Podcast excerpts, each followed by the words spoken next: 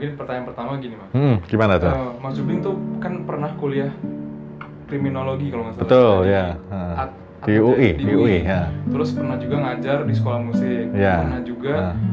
eh, jadi wartawan di. Betul. Ah. Terus kenapa gimana ceritanya Mas Jubing tiba-tiba memutuskan jadi gitaris aja begitu? Ah. Ya, pada awalnya memang main gitar lebih duluan ya, karena saya dari kecil sudah main gitar dan jatuh cinta pada gitar, jadi terus belajar gitar terus nggak pernah berhenti, ikut kursus sampai akhirnya kuliah itu tadi. Berhenti kursusnya kan karena pindah kota, eh, karena gurunya udah di sekolah Semarang kan saya la- lahir dan besar di Semarang, terus pindah Jakarta ya udah berhenti lesnya, tapi tetap main gitar nggak pernah berhenti. Nah, Cuma waktu itu memang pengen sih saya jadi gitaris, sebetulnya pengennya wah main gitar terus gitu kan, tapi ternyata nggak ada duitnya gitu. Ternyata-. Maksudnya saya gitu saya ngelamar ke Yamaha terus eh, artinya untuk seorang yang cuma main solo gitar ya. Saya, eh, saya waktu itu tidak tidak belum seperti sekarang lah mungkin iklim iklim apa untuk dunia musik di Indonesia belum seperti sekarang. Ngelamar ke Yamaha waktu itu juga eh, bisa karena saya udah punya sertifikat sebetulnya untuk ngajar. Cuma ya nggak ada muridnya karena muridnya belum mungkin belum sega, eh, gairahnya belum seperti sekarang ya orang belajar gitar itu.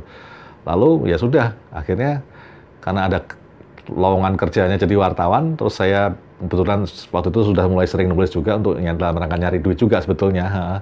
Jadi akhirnya ya, masuklah ke dunia wartawan saya gitu, karena ke- harus mencari nafkah gitu, pengangguran kalau enggak kan. Tapi dulu eh, wartawannya itu nulisnya tentang apa mas? Apa? macam-macam, macam-macam, macam-macam. Karena karena kalau saya dulu, dulu kan saya di tabloid Nova namanya itu ya dari ada peristiwa kriminalnya ada, yang lifestyle juga ada, dunia hiburan, dunia artisnya juga ada. Jadi pengalamannya sih banyak sih di situ karena ketemu dengan segala macam jenis manusia, ya segala macam jenis peristiwa dan itu memang eh, buat saya sangat memperkaya, memperkaya diri saya dan ya memperbanyak jaringan juga. Keuntungan jadi wartawan kan jaringannya jadi lebih banyak kan, kenalannya banyak gitu. Dulu berapa lama jadi wartawan? Mas? 13 tahun.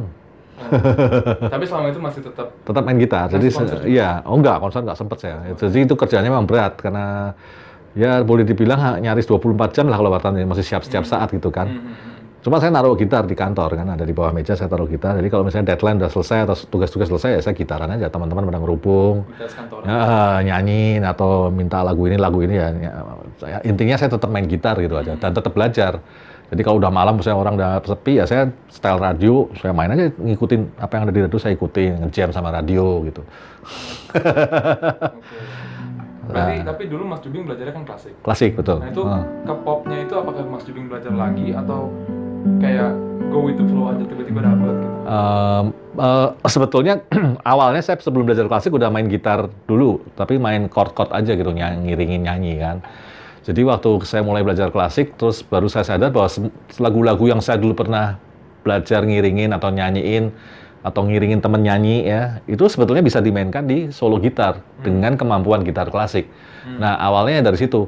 Jadi apa yang ada di kepala saya saat itu, misalnya kayak lagu Ayam dan Lapeh itu yang saya bikin untuk, sebenarnya awalnya bikin untuk lomba itu kan, ya. Itu saya bikin tahun 82, 1982 ya, ya apa? ah. Ini untuk lomba. Dan lagu ini saya dengar pertama kali dari mama saya. Hmm. Dia nyanyi. Terus pakai gitar ngiringin gitu karena mama saya tuh senang main gitar juga. Cuma ya bisanya ngiringin aja. Dari situ oh saya jadi tertanam lagunya kan. Terus saya pikir ini asik juga nih kalau dibikin gitar solo gitu kan. Nah, dari situlah bahan-bahan yang udah terkumpul di kepala ini mulai dijajal di oh bisa juga dimainin gitar ternyata bisa. Nah, itulah persentuhannya saya mulai main di luar textbook Hmm. pelajaran buku gitar klasik gitu. Hmm. hmm. Itu. Dan ternyata orang juga suka gitu. Maksudnya teman-teman di sekolah di SMP zaman itu kan saya les mulai les tuh SMP kan. Itu nongkrong ya main, main gitar. Oh main lagu ini, main lagu lagu apa yang lagi lagu siapa yang lagi hits lagunya mainin. Apalagi cowok kalau mulai belajar gitu Ah. tujuannya Ah, oh saya nggak ada tujuan itu, nggak ada, nggak ada. Saya nggak, saya sebenarnya sama sekali nggak ada tujuan. Tujuan saya karena saya suka sama gitar gitu. Justru yang ngomong gitu tuh yang yang orang-orang yang Yang yang teman-teman sekitar yang ngomong gitu. Wah ini buat nyari cewek, wah nggak kepikiran mas saya malah. Justru saya main main karena saya seneng. Wih bisa main. Berarti dulu eh, mamanya Mas Jubing juga main gitar. Ya, cuma ya ngiringin aja, strumming strumming aja gitu. Jadi keluarga juga banyak yang main musik juga. Eh, iya, papa mama saya memang main ma- ma- apa nyanyi dan main musik. Dua-duanya suka suka nyanyi dan suka main musik gitu. Dan banyak koleksi kasetnya juga banyak. Zaman itu masih kaset ya. Hmm. Jadi papa saya itu memang dia suka dengerin musik, jadi dia suka beli kaset gitu, macam-macam, nggak cuma satu jenis musik. Jadi dari musik country, Vivaldi ada, Four Seasons Vivaldi, Chopin, musiknya Chopin, ada apa eh, musik-musik Beatles, terus lagu-lagu pop-pop yang lagi apa, ABBA, Carpenter gitu gitulah. Hmm. Jadi itu semua masuk semua ke ini saya keingatan saya semua semasa saya masih kecil itu. Hmm. Ah. Nah, terus sekarang lanjut ke pertanyaan kedua. Mm-mm. Em, Mas Jubing ini eh, sekarang nggak ngajar mas ya? Enggak, Cuman, sengaja seminggu sekali sih ada masih ada murid-murid yang oh, yang udah agak lama dan udah atau murid baru tapi dia memang levelnya udah udah tinggi gitu. tapi berarti kan lebih dari 90% hidupnya performing. lebih performing betul. Ha, ha. Nah, gimana sih kehidupan Mas Jubing ini dalam sebagai performer gitu? Apakah Mas Jubing selalu eh, nggak pernah di rumah? Apa selalu latihan? Oh enggak, Gimana? Eh, lebih banyak di rumah latihan sebetulnya. Karena kalau saya main itu nggak terlalu sering ya, nggak, nggak kayak megastar yang wah keliling ke mana-mana tuh nggak. Paling seminggu tuh sekali atau dua kali, eh, rata-rata ya, pasti ada seminggu atau sek- sekali atau dua kali itu pasti ada manggung itu pasti ada. Acaranya bisa macam-macam dari kawinan, pembukaan pameran, ngiringin dinner makan malam nasabah bank, Hmm, atau dealer mobil. Jadi acara-acara yang membutuhkan ada suatu musik live yang tidak terlalu rame tapi orang bisa menikmati, bisa terhibur gitu aja sih. Tapi berarti Mas Jubing banyak lebih baik latihan di rumah Iya, daripada- betul. Kegiatan lebih banyak di rumah. Apa Mas Jubing juga sibuk eh, melakukan manajemennya gitu kayak misalnya ke sana ke sini telepon sana telepon. Oh, memang saya nggak ada manajer sih, memanajeri diri sendiri sih. ha. Ya email, telepon ya terima semua, saya terima sendiri semua. Jadi saya atur semua. Salah satu-. Salah kegiatan juga, ya itu salah satu kesibukan juga. Dibilang sulit banget juga nggak, kadang kadang nggak eh, frekuensinya nggak terlalu eh, besar banyak itu kan nggak kan seminggu sekali seminggu dua kali masih bisa ketanganan lah sama satu orang sendirian masih bisa. Ha. Tapi latihannya berapa lama Mas? Nggak tentu juga sih saya. Kalau sehari-hari sih rata-rata paling 3 jam, 4 jam kalau untuk apa yang rutin aja ya. Hmm. Kecuali kita mau konser kayak apa misalnya kayak eh, kemarin gitu kan main kan tuh saya harus main satu jam lagu-lagu yang memang lagu-lagu untuk konser gitu. Hmm, Bukan sekedar ngiringin orang makan misalnya gitu kan. hmm, hmm. Nah, itu mesti latihannya lebih lebih ini diulang-ulang terus atau na- nah, nanti saya di Solo ada konser lagi nih eh, apa kon- eh, konser tunggal juga. Satu tunggal juga. Uh, di kota Solo nah, tanggal 7 sama 8 September itu konser amal Uh, uh, itu juga nanti harus latihan lebih intens karena lagu-lagunya sudah disusun nah saya tinggal latihan terus setiap hari ngulangin lagu-lagu itu Terus. Heeh. Tapi eh, acara-acara itu berarti kan eh, urutan lagunya, list lagunya Mm-mm. beda-beda berarti. ya? beda-beda tergantung audiensnya Hmm. Heeh, tergantung audiensnya misalnya kalau di gereja ya mungkin ada satu dua lagu yang berhubungan dengan gereja itu kan kalau main di band juga nggak? Dulu saya main yang ngeband zaman-zaman SMP SMA sih ngeband Kalau dulu. sekarang? Sekarang nyaris enggak, nyaris enggak sih paling ya jamming-jamming aja sih kalau ada festival musik atau acara gathering musik gitu biasanya yuk main bareng main. Tapi kan saya pernah bikin kuartet sama Pak Jaya Suprana kan yang kuartet Punakawan itu. itu sempat malah main di mana-mana termasuk di Sydney Opera House segala udah pernah. Heeh, jadi Pak Jaya piano, saya gitar, terus ada pemain perkusi sama pemain bass teman saya tuh Mas Junedi sama Mas Heru. Dan itu main lagu-lagu tradisional Indonesia, lagu-lagu Nusantara. Hmm. Heeh. Jadi eh, berarti kan Mas Jubing udah performing segala macam, Ah, ah. ada grup macam-macam. Oh iya, sudah pernah main dengan alat musik apa pun, udah pernah saya. Plus manajemen sendiri. Iya, heeh. Tapi Ah. eh, jadi aspek apa yang paling susah sebagai solo performer yang Ah. dari performer performing arts? Eh, ngumpulin lagu sih, maksudnya amunisi ya. Jadi kita untuk perform kan masih harus ada bahannya gitu kan. Kalau teknik kan bisa dilatih, tapi kalau bahan itu kan kita mesti belajar lagi kan. Hmm. Misalnya ada satu acara event, misalnya kemarin tuh eh, acara asosiasi asuransi bikin gathering, terus mereka bikin acara temanya Disney gitu. Hmm. Jadi saya harus main lagunya Disney, mereka minta lagunya Pocahontas, Colors of the Wind. Nah itu saya harus belajar Hmm. bikin aransemen solo gitar, terus harus ngiringin penyanyi, eh pe- penari bukan penyanyi, Penari. mereka nari balet dengan lagu itu. Jadi saya harus bikin aransemen dulu, jadi baru saya kirimin ke penarinya supaya mereka bikin koreografinya. Berarti kadang aransemennya ditulis, kadang improvisasi. Heeh. saya sih jarang nulis sih, kebanyakan kebanyakan hafal, dihafal aja. Dihafal aja. Heeh, hafal rekam, hafal rekam. Hmm. Sekarang eh, banyak mungkin gitaris pop di Indonesia kan nggak tahu gitar klasik sebetulnya apa gitu ya. Ya, heeh. Nah mungkin mereka ngeliatnya kayak oh dipetik fingerstyle klasik gitu. Heeh, heeh. Nah mungkin banyak gitaris pop di Indonesia tuh ngeliat Mas Jubing taunya klasik. betul. gitaris klasik. heeh, Nah, heeh. banyak gitaris klasik juga tapi ngelihat Hmm. Mas Jubing ini sebagai gitaris Heeh. pop rock Iya, gitu. heeh, betul. Nah, Mas filosofi Mas Jubing sendiri ini apa dalam bermusik? Eh, sebetulnya saya sih kalau musik karena yang saya dari dulu udah dengerin segala macam musik ya, jadi kadang-kadang saya juga nggak memberi batasan yang jelas gitu. Musik tuh harus jenisnya ini, ini, ini. Kalau saya sih asal saya bisa mainin di gitar dan enak dan orang suka, ya udah saya mainkan gitu. Saya nggak pernah memandang jenis musik gitu. Ya, kebetulan memang karena belajarnya dulu gitar klasik, jadi memang ada repertoar-repertoar klasik juga yang yang yang harus saya pelajari, terutama untuk ujian ya kan. ya, ya. ujian harus naik kan harus harus lagu wajib gitu kan. Nah, itu harus harus hafal. Tapi saya suka memang repertoar, repertoar klasik itu dari berbagai zaman itu saya suka karena memang variasi spektrum apa stylenya harmoninya kan berbeda-beda kan setiap zaman ya. Nah, terus ditambah dengan yang musik-musik yang zaman sekarang, baik itu yang musik art musiknya ataupun yang industri musik industrinya gitu. Berarti eh, kalau Mas Jubing konser apa Mas Jubing masih main repertoire musik klasik? Sesekali masih kadang. Ya, misalnya nah, ya pernah saya waktu itu konser Gedung Senen saya main Asturias. Ah, yang yang yang apa yang yang lebih atraktif aja gitu kan atau kad- kadang-kadang juga apa nah Rolandians gitu gitu. Yang yang ini aja yang lebih lebih menghibur aja yang lebih entertain. Karena basically supaya bisa orang mau bayar saya tuh orang harus terhibur. Musik klasik iya. eh, menghibur itu Ah, mungkin tantangan sendiri. ah, iya. Tapi sebenarnya banyak repertoire klasik yang yang orang dengerin langsung jatuh hati tuh banyak. Nah. Apa pernah ada orang Hmm. yang eh, mungkin nggak tahu mungkin Mas Jubing pernah main sesuatu yang agak lebih berat sedikit dari sisi Hmm. musiknya, terus ada penonton datang kayak, oh ini ini apa nih? Main apa ini? Hmm, belum pernah sih, Belum pernah ya. belum pernah. ha. Karena ka- kalau kalau saya kan lihat lihat audiensnya rata-rata audiensnya kebanyakan memang bukan, yang maksudnya orang awam bukan yang memang kalau kayak konser yang memang khusus orang-orang yang tahu gitar ya mungkin bisa kita main itu. Tapi paling yang paling sering saya bawakan ya antara lagunya Roland Dians itu tadi atau Asturias atau apa lagi ya Cavatina. Ya, itu udah standar lah itu. Eh, apalagi ya lagunya Tarega paling mungkin yang apa? Grand Grand Flaps. Bukan. Lagu. Dan, ya, ya yang lagrima bisa atau Nah, ini juga ini kan cukup cukup apa cukup nyantel gitu kalau orang dengerin ih bagus nih lagunya gitu kan. Mungkin kalau buat sendiri aja di rumah mungkin. Ya kalau rumah ya.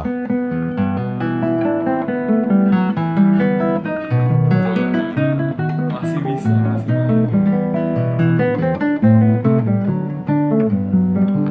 Itu di rumah hobi. Buat yang nggak tahu, Mungkin banyak yang nggak tahu. Iya. Kalau nonton eh, bukan yang eh, suka dengerin musik klasik. Iya, atau Nah.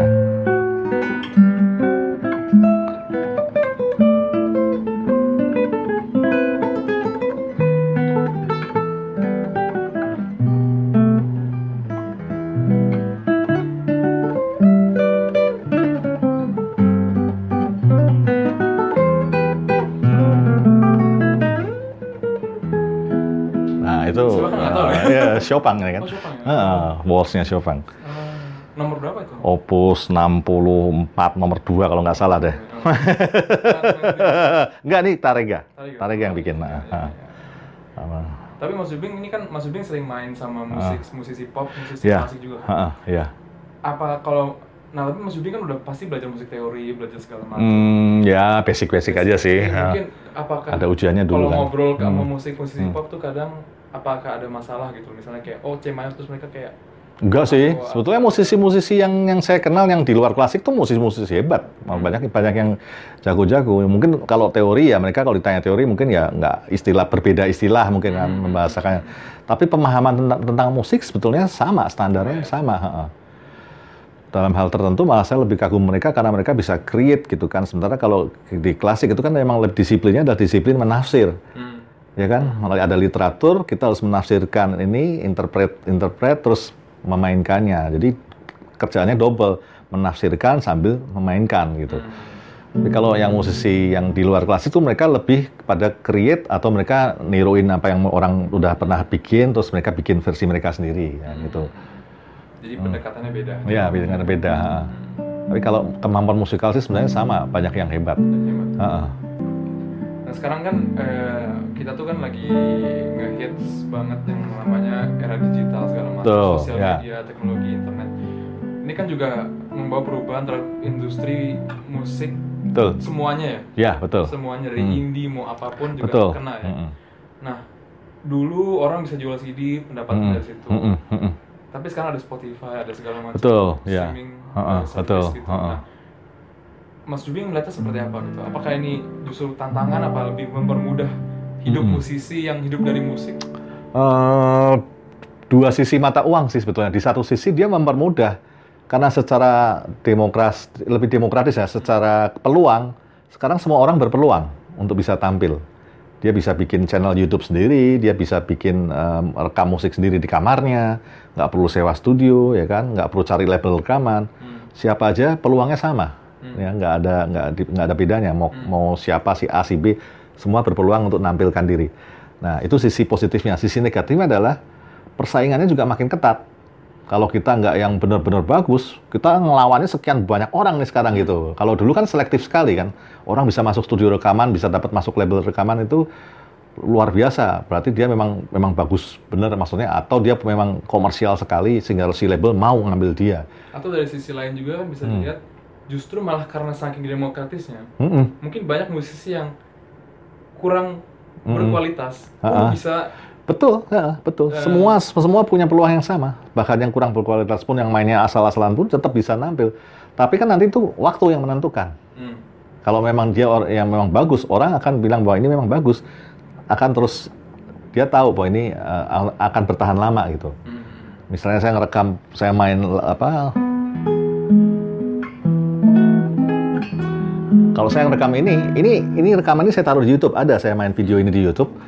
Ini sampai kapan pun nanti akan tetap ada orang yang eh, nemu ini main lagu. Karena lagu ini kan selalu dicari hmm. abadi lagu abadi. Tapi kalau kita main lagu yang hits sekarang, eh, siapa lagunya siapa? Om Telolet Om udah hilang sekarang Om Telolet Om kan? Iya. itu udah hanya sekian sekian segmen waktu, habis itu lewat udah nggak ada yang ingat lagi. Hmm. Tapi jadi saya memilih mengambil lagu-lagu yang kira-kira memang akan akan terus lagu ini akan terus dicari orang gitu, atau dinyanyikan orang atau dimainkan orang. Hmm. Gitu. Jadi menurut Mas Jubing sendiri yang streaming music segala macam itu justru Mm-mm. lebih membantu daripada Lebih membantu buat kita sebagai seniman untuk bisa menampilkan karya kita di Mungkin satu sisi. sebagai uh, performing artist juga Heeh. harus jadi lebih banyak Betul, heeh. makanya saya punya channel YouTube sendiri. Terus saya juga jualan di digital juga masuk ke toko online. Saya udah eh, ada yang yang apa distributor yang saya mem- memakai jasa mereka untuk itu. Jadi ada penghasilan dari situ. Memang belum besar, tapi saya yakin ini long tail, jadi ekornya panjang gitu loh. Hmm, Nggak hmm. akan nggak akan turun, tapi akan terus stabil atau bahkan mungkin akan terus naik gitu. Hmm. Heeh. Tapi mungkin kalau di Indonesia ini tantangannya mungkin eh, bajakannya ya. Bajakan ya betul. Apa apa sampai sekarang Yang baca bukan orang Indonesia aja, orang seluruh dunia. seluruh dunia. Heeh. Jadi misalnya kemarin dikasih tunjuk sama yang distributor ini, saya kasih lihat di website dari Rusia. Hmm. Isinya bajakan semua album yang ada di seluruh dunia. Termasuk semua album saya lima-limanya ada di situ. Ini untuk musik semua apa gitaris gitar? Semua, semua jenis musik. Hmm. Mau musik dari Afrika, mau musik dari mana, ada di website Rusia itu. Nah, dia hidup dari iklan karena orang kan banyak datang situ kan. Nah, dia Hmm. masang iklan di situ. Jadi dia dapat pemasukan dari iklan tapi dengan mem- mem- membajak orang, karya orang dimasukin ke tempat dia. Hmm. Orang download dari tempat dia gitu. Oke. Tapi di Rusia kita mau gimana nggak bisa ngapa-ngapain gitu kan? Jadi itu juga tantangan sendiri berarti. ya ada kan saya bilang selalu ada plus minusnya gitu. Heeh, heeh, heeh. Hmm. Kalau latihan sih dua macam ya. Yang yang pokok ya sebenarnya latihan teknik. Teknik itu ya misalnya kan ada kita yang main selalu salah-salah terus itunya. Nah kita ulang-ulang aja sampai kita nggak. Nah, terus latihan yang lain adalah latihan yang ya itu nyari lagu atau bikin aransemen terus kita harus ngafalin. Nah itu kan kita harus ulang-ulang lagi sampai hafal. Hmm. Nah, lebih ke apa mem- memorizing gitu kan. Nah. Tapi latihan teknik sendiri kayak teknik tangan gitu udah Hmm, sesekali aja sih jarang saya karena memang tidak ada kebutuhannya gitu. hmm, untuk go with the flow. Eh, ya, yang Susah, penting eh, kalau dia saya mentok ini kayaknya susah nih mesti harus dilatih ya. Dan itu itu sebabnya saya sa- masih main klasik itu kan karena itu untuk memelihara teknik sebetulnya. Karena Eh, eh, eh, eh, karena susah, jadi harus latihan kan. Misalnya saya main kan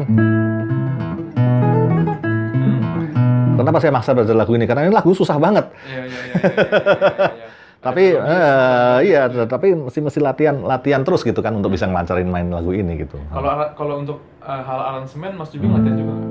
nggak dari dengerin aja. Dengerin aja. dengerin karya orang ih kok bisa gitu ya beloknya ya? Oh kok dia transposnya cara transposnya modulasinya bisa begitu nah itu belajar dari dengerin karya orang Karena Mas Jubing ini kan eh, terkenalnya kan justru karena aransemen dan eh, karya-karya sendiri yang Hmm. Ya, dibikin di ha. konser. Ya sebetulnya ya, yang saya bikin aransemen-aransemen saya maupun entah itu dari yang becak fantasi atau yang lagu-lagu pop itu sebetulnya nggak ada yang baru sih menurut saya ya karena itu semua adalah idenya didapat dari musik-musik yang sudah pernah kita pelajari atau pernah kita dengarkan gitu. Hmm. Nah, jadi sebenarnya nggak ada hal yang baru karena ya nggak tahu saya sih memang nggak nggak apa bukan bukan tipe yang senang yang musik rumit-rumit gitu memang asal kita dengerin enak oh yaudah nih kayaknya idenya bagus ini bisa bisa bisa dipelajari gitu. Hal barunya ya Jubing. Ya, ya memindahkan ke gitarnya itu yang mungkin mikir gitu kan, agak mikir gitu. Atau apa-apa Mas Jubing ada konsep eh, yang biasa dipakai atau konsepnya Mas Jubing dalam mengaransemen eh, sesuatu? Yang eh, konsep secara khusus sih enggak ya. Sebetulnya yang prinsip yang utama buat saya adalah saya main gitar harus satu nomor satu bikin saya senang dulu. Hmm. Saya senang dengerinnya. Terus yang kedua eh, selain saya senang juga apakah orang lain waktu dengerin musik ini juga bisa senang gitu. Hmm, hmm, hmm. Itu aja prinsipnya sih. Nggak nggak bukan yang mau pamer teknik gitu. Wow, saya bisa main lebih jago dari kamu. Wah, gitu. Enggak, saya malah nggak kepikiran kayak gitu. Kalau malah saya kalau bisa saya main semua orang bisa main mainin lagu ini gitu. Hmm, hmm, hmm, hmm.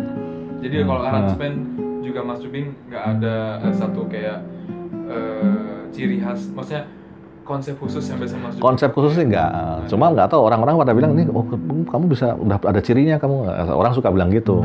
Aku bisa tahu nih ini kamu yang main atau "Oh, ini, ini aransemen kamu. Oh ya, aku malah nggak pernah mikir sampai ke situ gitu loh. Ha. Saya nggak pernah mikir sampai ke situ. misalnya eh, hitnya Mas Jubing dulu kan eh, Pecak Fantasi. Mm-mm.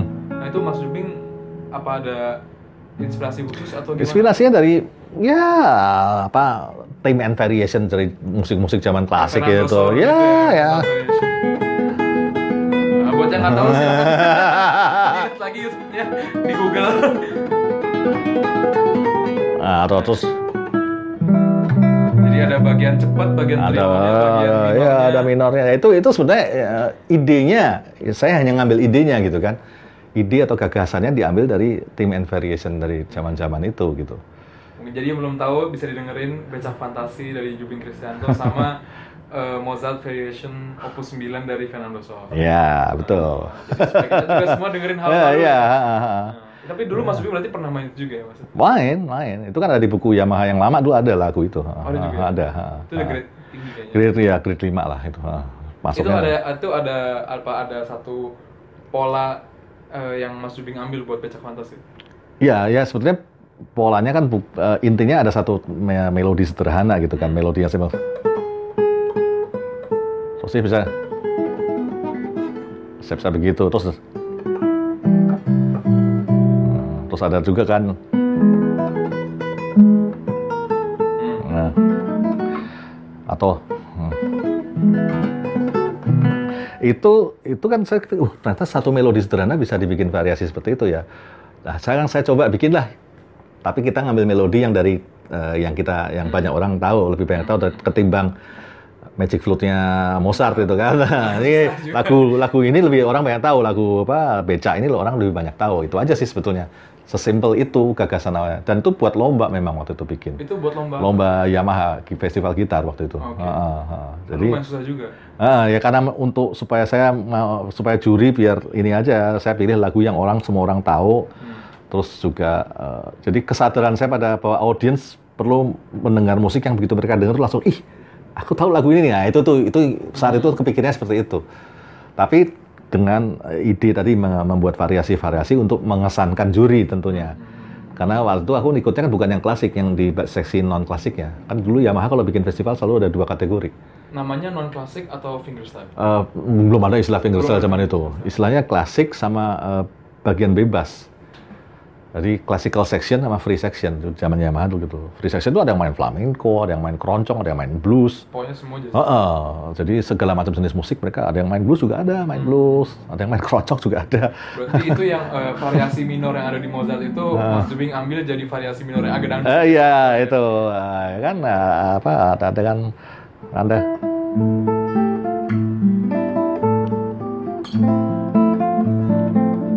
ini kan ambil dari situ kan. Oke. Oke, itu udah jelas mungkin. Heeh. Mungkin ke kita sekarang pertanyaan terakhir karena udah lumayan panjang juga nih. Ah, Ini semua ah. tiba-tiba sebetulnya. kita rencananya nggak di sini, tapi nggak apa-apa. Eh, mungkin pertanyaan terakhir buat Mas Jubing. Ah. Eh, jadi menurut Mas Jubing musik yang bagus dan musik yang bagus itu apa buat Mas Jubing? Kalau musik yang bagus, kalau menurut saya ya eh, Harus musik gitar. enggak enggak musik apa saja. Yang penting emosi atau eh, apa ya message atau pesan dari musik itu atau emosinya tuh nyampe ke orang yang mendengarkan gitu. Jadi waktu orang mendengarkan musik ini dia langsung merasa ih ada sesuatu yang kena di dia gitu.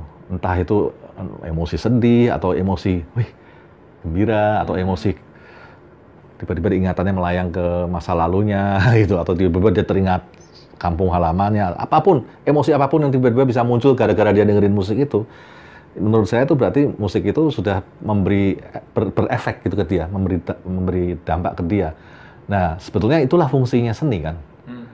Nah, seni apa pun ya, nggak cuma musik. Itu waktu orang me- menikmati karya seni itu dia harus merasakan ada satu efek yang dia terima. Kalau dia nggak biasa aja kita ngeliat, ah biasa aja nggak ada efek apa-apa ya. Nggak benar. Berarti ya, berarti itu seninya ya belum belum belum mencapai yang seni yang bagus. Ah, ah. Sebenarnya ses- ses- sesimpel itu kalau saya ya. Ya mungkin kalau dikaji secara ilmu estetika ya panjang teorinya banyak ya. Kalau saya saya sederhana aja, se- sederhana itu. Ya. Jadi kalau teman-teman yang ada yang mau main musik, pengen yang enak ya kita mesti memikirkan juga ini uh, kira-kira nanti bisa menimbulkan efek nggak waktu kalau saya main musik ini ke ke orang yang mendengarkan gitu. Hmm. Oke. Hmm. Oke, jadi eh, sekian dulu Mm-mm. eh, interview video kita dengan Mas Jubing Kristianto hari ini. Ah, kalau mau nonton videonya nanti, yang musik saya main ada di channel YouTube. Bisa ditonton, Ah, bisa ah, tonton cari aja channel, nanti di, di eh, YouTube saya channel resmi. Sekarang Mas Jubing ada album baru? Album baru belum? Belum? Ah, belum. Jadi Ah, album yang terakhir- Terakhir Pagi Putih waktu itu Pagi ah, Putih. namanya. Jangan dibajak. Eh, ada di download Spotify gratis kok bisa Musik dengerin ah, bisa Tapi dengerin sekarang. Beli lebih baik beli ya. kan siapa tahu ada tanda tangannya Mas Jubing. Oh, yang CD-nya ya. CD sekarang jualnya juga toko online semua. Udah Online. udah nggak ada toko CD kan soalnya. Ya. Ya, begitu ya kenyataan. Terima kasih. Jadi, makasih dulu buat Mas Jubing. Masih buat Mas Jubing. Eh, untuk yang mau baca juga artikel-artikel lebih lanjut eh, soal musik, kalau gitar bisa ke gitarnesia.com, Ah. g u i t a n e s i a.com atau search aja kita di Google di Eh, website, ntar bakal ketemu. Sekian dulu. Kasih.